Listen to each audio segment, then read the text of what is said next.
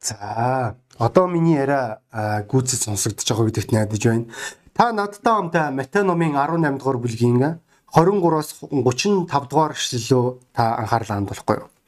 Иймээс Тэнгэрийн хаанчлалыг боолуудтайгаа тооцоо хийхийг хүссэн нэгэн хаантай зөвлөж болно тэр тооцоо хийж эхлэх үед 100000 талантын мөртөө нэгийг нь түн рүү аваачив. Харин түнд өрөө төлөх юм байхгүй тул эзэн түүнийг ихнэр хүүхдүүдийнх нь хамтаа хамаг юмтай худалдаад өрийг нь барагдуулахыг тушаажээ. Боолн сөхрөн унаж сунан мөргөөд түүнээс намайг дэвчин хүлцэн үү би танд бүгдийг буцааж төлнө гэж гуйхад тэрхүү боолын эзэн түүнийг ихэд өрөвдөө суллаж өрийг нь хэтрүүлжээ. Харин өнөөх боол гадагш гараад өөрт нь 100 динарын өртөө байсан өөрийнхөө анд нөхөр болох нэгэн боолыг олж хараад барин авч хоолойг нь шахаж өрөө төлгөв. Харин анд нөхөр нь болоход тэр боолоо сөхрөн унаж түүнээс гуйн намайг дэвчин хүлцээч чамд буцааж төлнө гэж хэлжээ. Тэр үнийг хүсээгүй учраас явж түүнийг өр ширээн буцааж төлтөлөн шоронд хориулв. Түүний бусад найз боолууд нь болсон явдлыг хараад ихэд гуниж эзэн дээрэн очиж болсон бүхнийг нь мэдэгдэжээ. Тэгтэл эзэн нөгөөх боолыг дуудаад түнд бузар муу боолоо чи надаас гуйсан тул би бүх хөрийг чинь хэлтрүүлсэн. Би чамааг өршөөсний адил чи бас анд нөхөр чинь болох тэр боолыг өршөөх ёстой байсан босуу гэдэг ихэд хэлгэн уурлаж өр ширээн бүгдийг нь буцаан төлөх хүртэл түүнийг зандалчинд тушаажээ.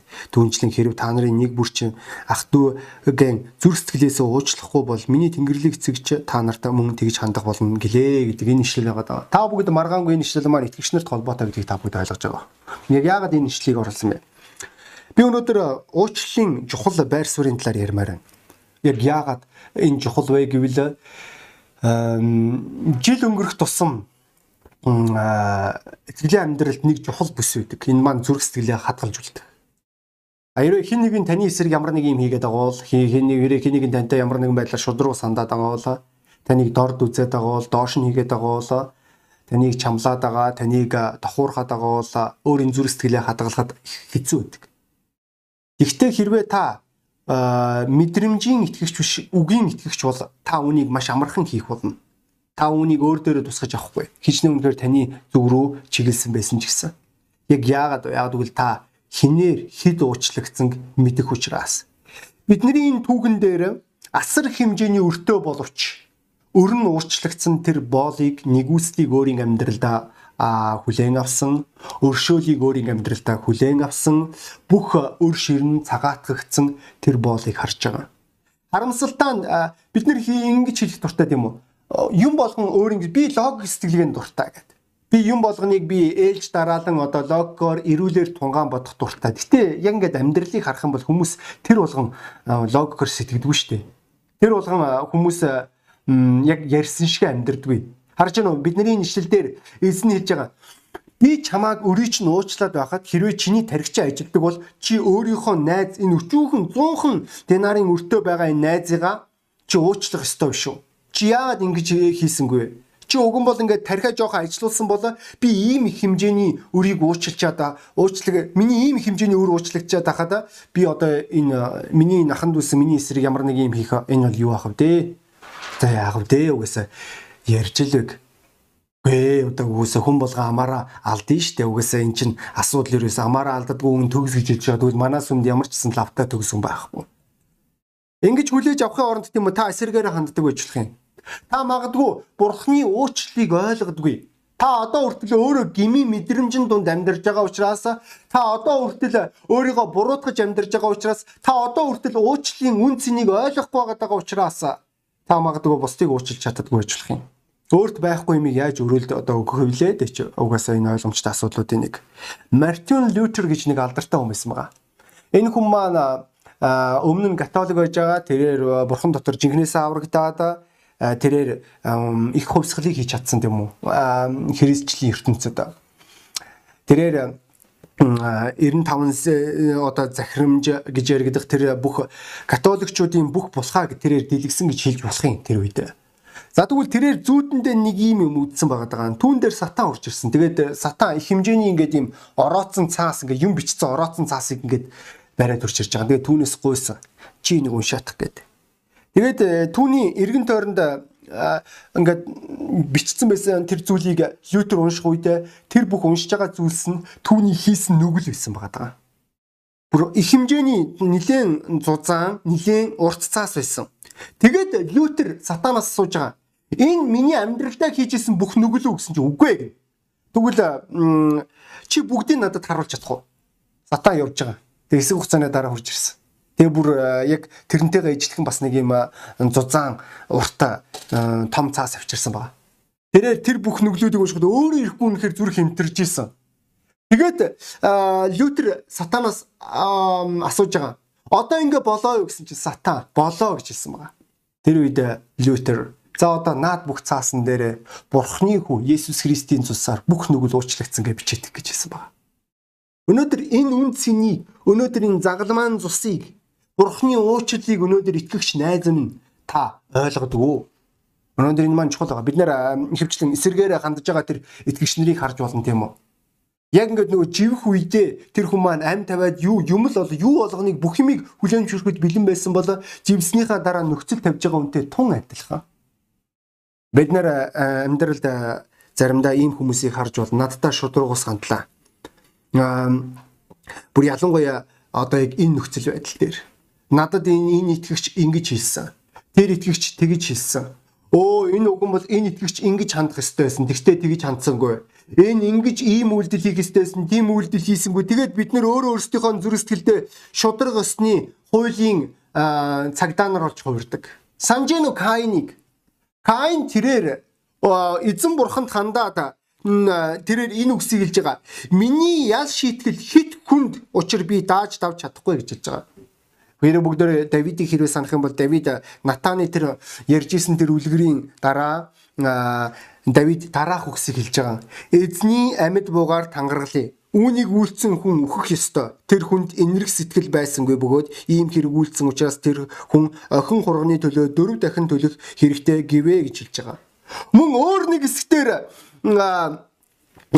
одоо шавнырын талаар Иесус Христийн шавнырын талаар бид нэр нэг дараах ишлүүдийг сонсож болох юм.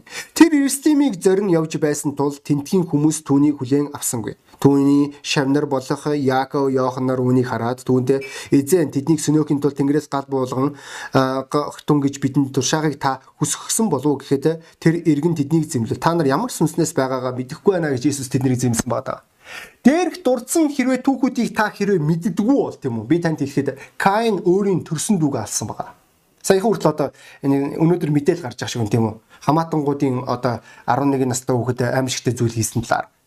За тэгвэл энэ төрсөн дүүгээ алчаад шийтгэлээ авахаа болсон чинь тэрээр үгж байна. Надад энэ маань хитрхи харгас байна. Бурхан та өмнөхөр дэндүү харгас юм. Давид тэрээр өөрийн үнэнч жанжин өөрөөгийн эхнэрийг хүчинтчээд дараад нь түүнийг алчаад тэгээ дараад нь энэ зүрлэлийг ярих үед яг ийм зүрлэлээр натан зүрлэлээр ярьсан тэр үед яг өөршгөө хийсэн үйлдэлтэй хүнийг яг яаж хандах ёстойгоо талаар ярьж байгаа. Натан эцэс нээсэн юм чи тэр хүн байна гэж хэлсэн. Бид нэр бас мөн шавнарыг харж болно. Шавнар өөртөө ямар нөхцөл байдалд уучлагдсан Яаж авралыг хүлээн авсангаа мартаа тэд нэр бусдад оо бурхныг хүлээгээд аваагүй те тэгвэл өстой үнэхээр би та нар дээр тэнгэрээс гал болгоно гэж хэлж байгаа. Э ийм зураглуудыг ийм зохисгүй зураглуудыг өөрсдөө өмнө нь хэн байсангаа өөрсдөө ямар үйлдэл хийжсэнгаа умартан мартаад өрөөлт асар харгас асар шудрагус хандхад бэлэн байгаа хүмүүсийг харах үед үнэхээр тун харамсалтай.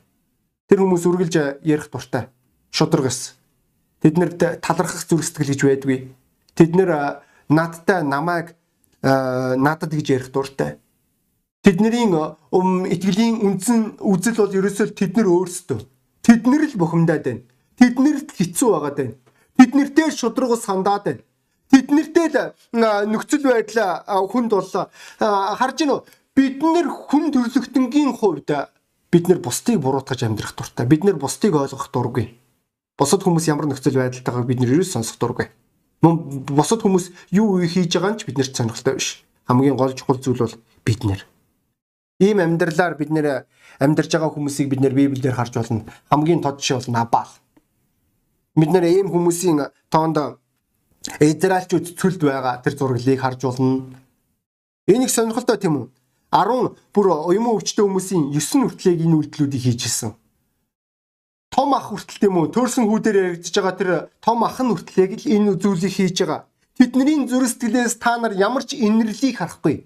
Тэдний зүрх сэтгэлээс ямар ч хүлцлийг харахгүй. Тэдний зүрх сэтгэлээс та нар ямар ч өршөөлийг харахгүй. Тэгвэл өнөөдөр итгэгч найз минь чиний зүрх сэтгэлийг ямар вэ? Өнөөдөр чиний итгэлийн байр суурь итгэлийн ноён нуруу чинь хаана хугардаг вэ? Чиний зүрх сэтгэл одоо гомдол хорслоор дүүрсэн юм биш үү? Энэ түүхийг Есүс Христ бидний үндсэн түүхийг ярихаас өмнө Петр түүнээс Есүсээс дараах үгсийг асууж байгаа.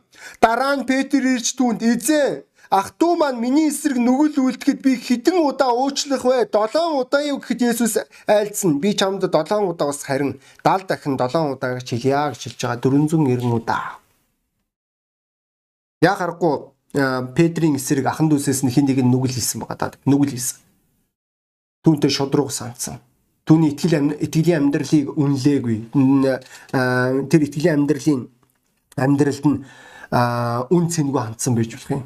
Ойлгож байгаа сте. Хүмүүс биднэртэй шудрагус хандаж болно. Хүмүүс биднийг доромжилж болно, дорд үзэж болно. Аа, өчнөөл зүйл болно. Энэ итгэлийн амьдралын хугацаанд би өчнөөл зүйлсүүдтэй тулгарч ила. Олон удаа би новшийн байр суурь гэдэг тодорхойлолтонд хүмүүсийн амсаар орж исэн. Амнаас орж исэн. Одоо тэр хүмүүсийг хэлж байгаагаар. Тэгээд үүний эсрэг асаж уурлах их амархан. Үүнийг ямар ч мангар хүн юм. Үүний эсрэг миний зөв гэж өөрийгөө хамгаалж өмгөө өмгөөлж өөрийнхөө байр суурийг хадгалах үлдэх маш амархан. Гэхдээ өнөөдөр бид нэг зүйлийг мартаад байна. Таны өнөөдөр өөрийн ахан дүүстэй хандах хандлагаас таны эзэн бурхантай таны авралыг шийддэг гэдгийг та мартаад байна. Харж байна бидний нэшлэл дээр энэ ихэнд уучлагдсан боол маань өөрийн анд найздаа хандах тэр хандлагаас түүний аврал шалтгаалсан. Тэрээр маш гайхамшигтайгаар олж авсан тэр авралаа хормын зур уур хилэнгээсээ болж Уцаар хуваачээсэн аашаасаа болж илүүт зангаасаа болж алдаж байгаа. Өнөөдөр найз минь чи авралаа алдахын ирмэгд байгаа юм биш үү? Өнөөдөр чи өөрийн ахан дүүстэй ямар байр суурьаар ханддаг вэ? Чиний алхам, чиний үйлдэл, чиний ярьж байгаа зүйлсээс чиний ахан дүүс тань Бурхны хайрыг харж чаддгүй. Өнөөдөр ойлгож байна. Бид нэр Бурхныг хайрладаг гэж амаараа хэлэх амархан. Гэхдээ дэндүү хувайчээсэн атгааж эсвэл бэртгчин өчүүхэн төр зүрх сэтгэлээр зөвхөн өөрөө өөрийгөө л өөртөө хандах тэр хандлагаар бусдыг дүгнэх аюул бий.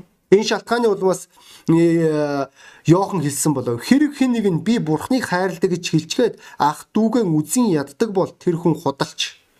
Учир нь харж байгаа ах дүүгээ хайрладгүй нэгэн хараагүй бурхныг хайрлаж чадахгүй шүү дээ гэж хэлж байгаа. Энд ч би нэг зүйлийг хэлмээр байна. Та ахан дүүсээ хайрлна гэдэг тань. Та өөршгөө төгс биш хүнийг хайрлна гэсэн үг. Тэр хүн таны өмнө алдаа гаргана. Тэр хүн таны өмнө олиггүй зүйлсүүдийг ярина. Тэр хүн таны өмнө олиггүй үйлдэлүүдийг ч хийх болно. Гэхдээ өнөөдөр итгэлийн амьдрал гэдэг бол өнөөдөр зүрхээ цэвэр хадгалан шийдвэр гаргах амьдралыг хэлж байгаа. Та өнөөдөр өөрийн ахан дүүсээ уучлж байгаа. Тэр хийсэн зүйлсүүдийг мартаж байгаа. Бид нэр өөрсөндөө нэг юм үг хэлэх дуртай тийм үү? Иремегийн гашуудлын үгсийг эзний инрэл нэгүсэл өглөө болгон шин. Тэ? Ирсэн байж бид нэр өрөөлд болохоор тэгж хэлдэггүй байж болох юм. Өрөөлд болохоор тийм үү? Түүхийн дурсамж ээлж дараалсан. Аа тэр надаа ийм үйлдэлээс би хувьдаа ойлгодгүй нэ тийм итгэгч нарыг өөрсдийгөө бурхан дотор аврагдсан, бурхан дотор уучлагдсан гэж хэлж байгаа мөртлөө өөрсдийн итгэгч ахан дүүсийнхаа жилийн өмнө, хагас жилийн өмнө, 3 сарын өмнө, сарын өмнө, эсвэл 7 хоногийн өмнө, эсвэл өчигдрийн хийсэн тэр ойлггүй үйлдэлийн дурсан санан өөрийн зүрх сэтгэлээ гашуурлаар дүүргэж, хорсоо хорслоор дүүргэж, өөрийн зүрх сэтгэлээсээ гэрлийг хулгайлж байгаа тэр итгэгчнийг би ойлгодоггүй. Өнөөдөр үнэхээр гонигтай.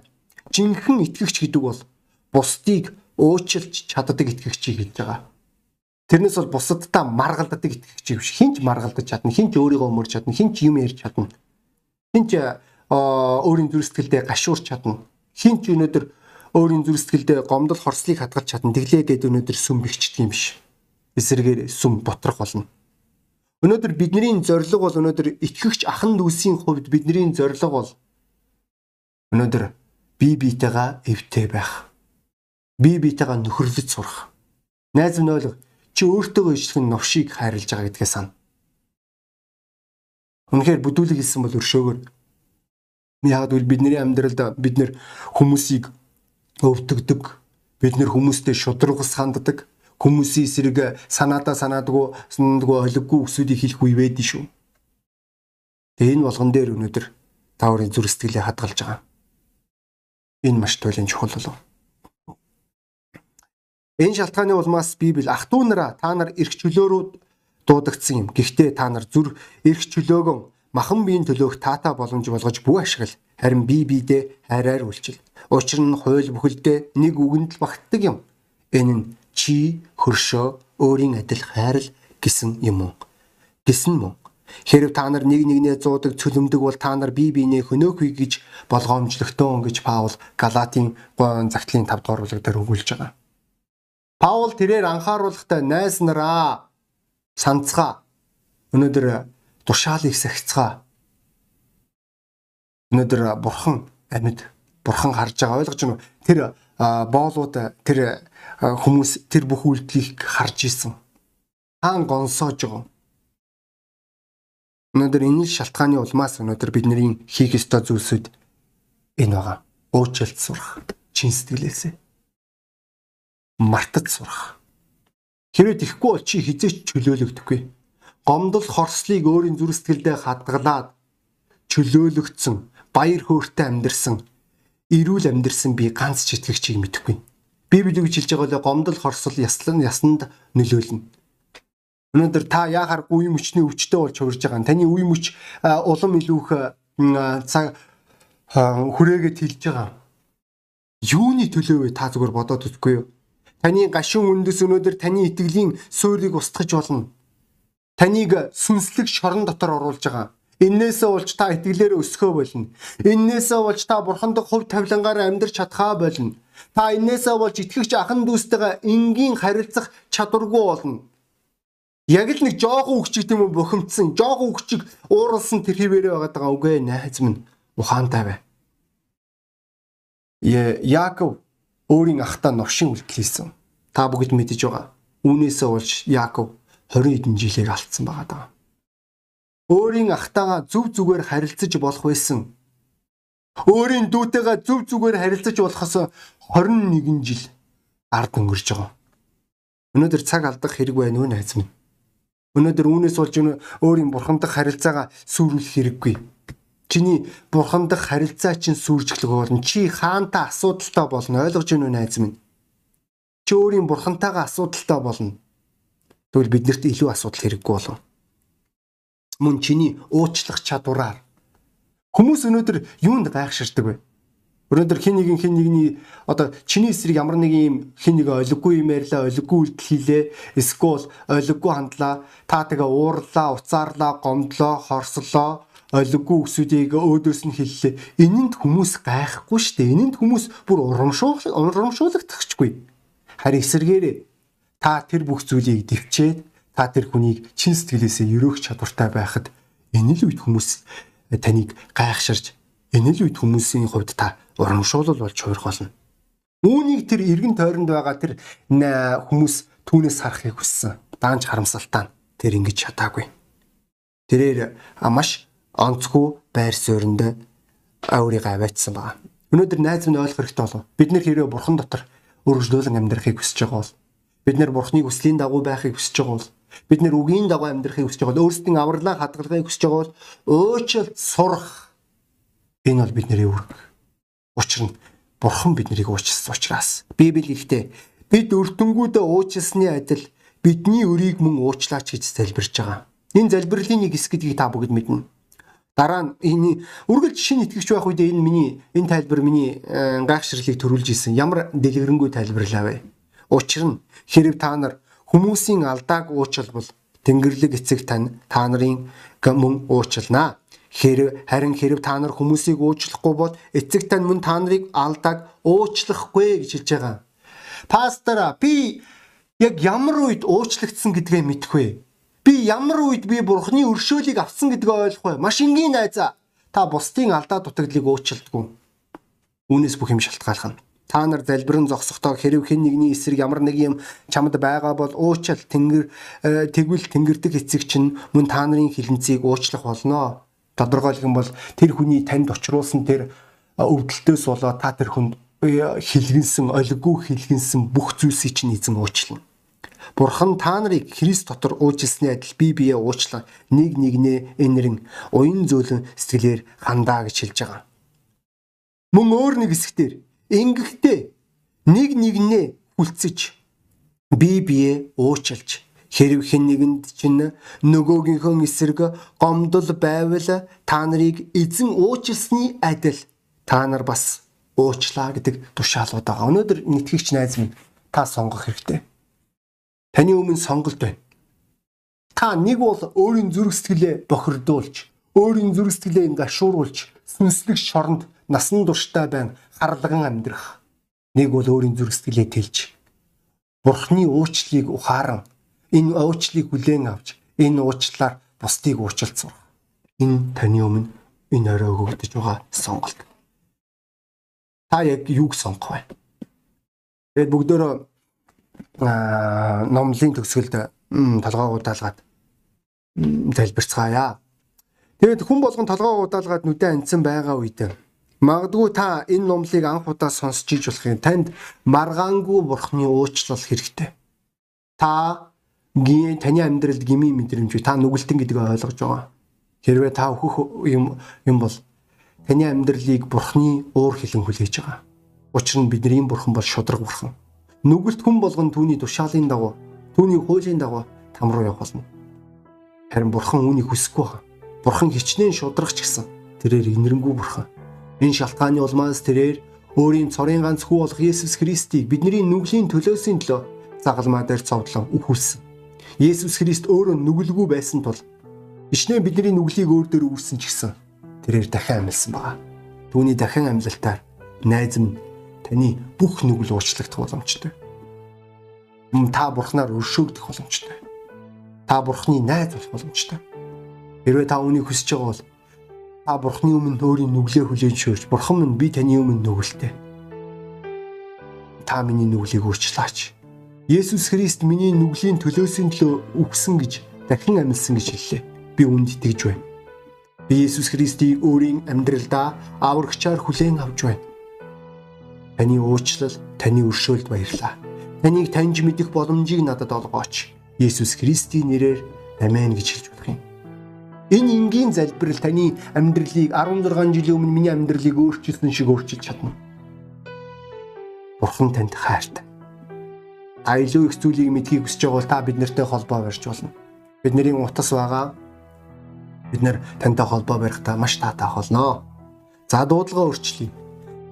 Найз нараа бид нэр итгэлийн амьдралдаа сургаалт үгсдэр тэр 4-р бүлгийн 23 дугаар эшлэлээр өөрийн зүрхээ хамгаал учир нь үүнээс чинь амийн болог урсах ёстой. Энэ ямар гайхалтай бөгөөд хэцүү вэ? Учир нь тэр болгон бид нар өөрсдийн зүрх сэтгэлээ хамгаалаад байж чаддаггүй бид нэр өөрсдийгөө өмөрч бид нэр бусдыг буруутгаж амьдрах тэр замыг сонгодог тэгвэл бурхны хүүхдүүд огтуд төвгүүд энэ замыг сонгох ёсгүй. Учир нь бид нэр ихээр уучлагдсан хүмүүс. Есүс Христийн цусаар бид нэр уучлагдсан. Тэгвэл энэ хайр өршөөлийг энэ уучлалыг ахан дүүсээ өдөр болгон санаж амьдарцгаая. Би та бүгдийг энэ хугацаанд залбиралдаа шийдвэр гаргасан хэн нэгнийг уучлсан магадгүй хэн нэгэн лөө та залгах хэрэгтэй Найзаа би чиний сэрийг ийм ийм юм бодож исэн. Би чамааг уучлж байна. Ийм хогийн бодож исэн дуучлаарай. Бид нэр үгийн итгэгчнэр байхаас гадна мөн үйлсийн итгэгчнэр байх ёстой. Ахан дүүсээ би та бүгдийг үнэл уриалж байна. Тэгээд бүгдөө номлын төгсгөл залбирцгаая. Тэнгэрлэг эцэг минь өнөөдрийн номлыг ивэсэн танд баярлалаа. Таны ивэл таны хайр үргэлж биднэрт хамтдах болтугай. Есүс Христийн цаар. Аамен. Гуахан дэсээ зүүмөр холбогдцгоё. Та бүгдэд баярлалаа.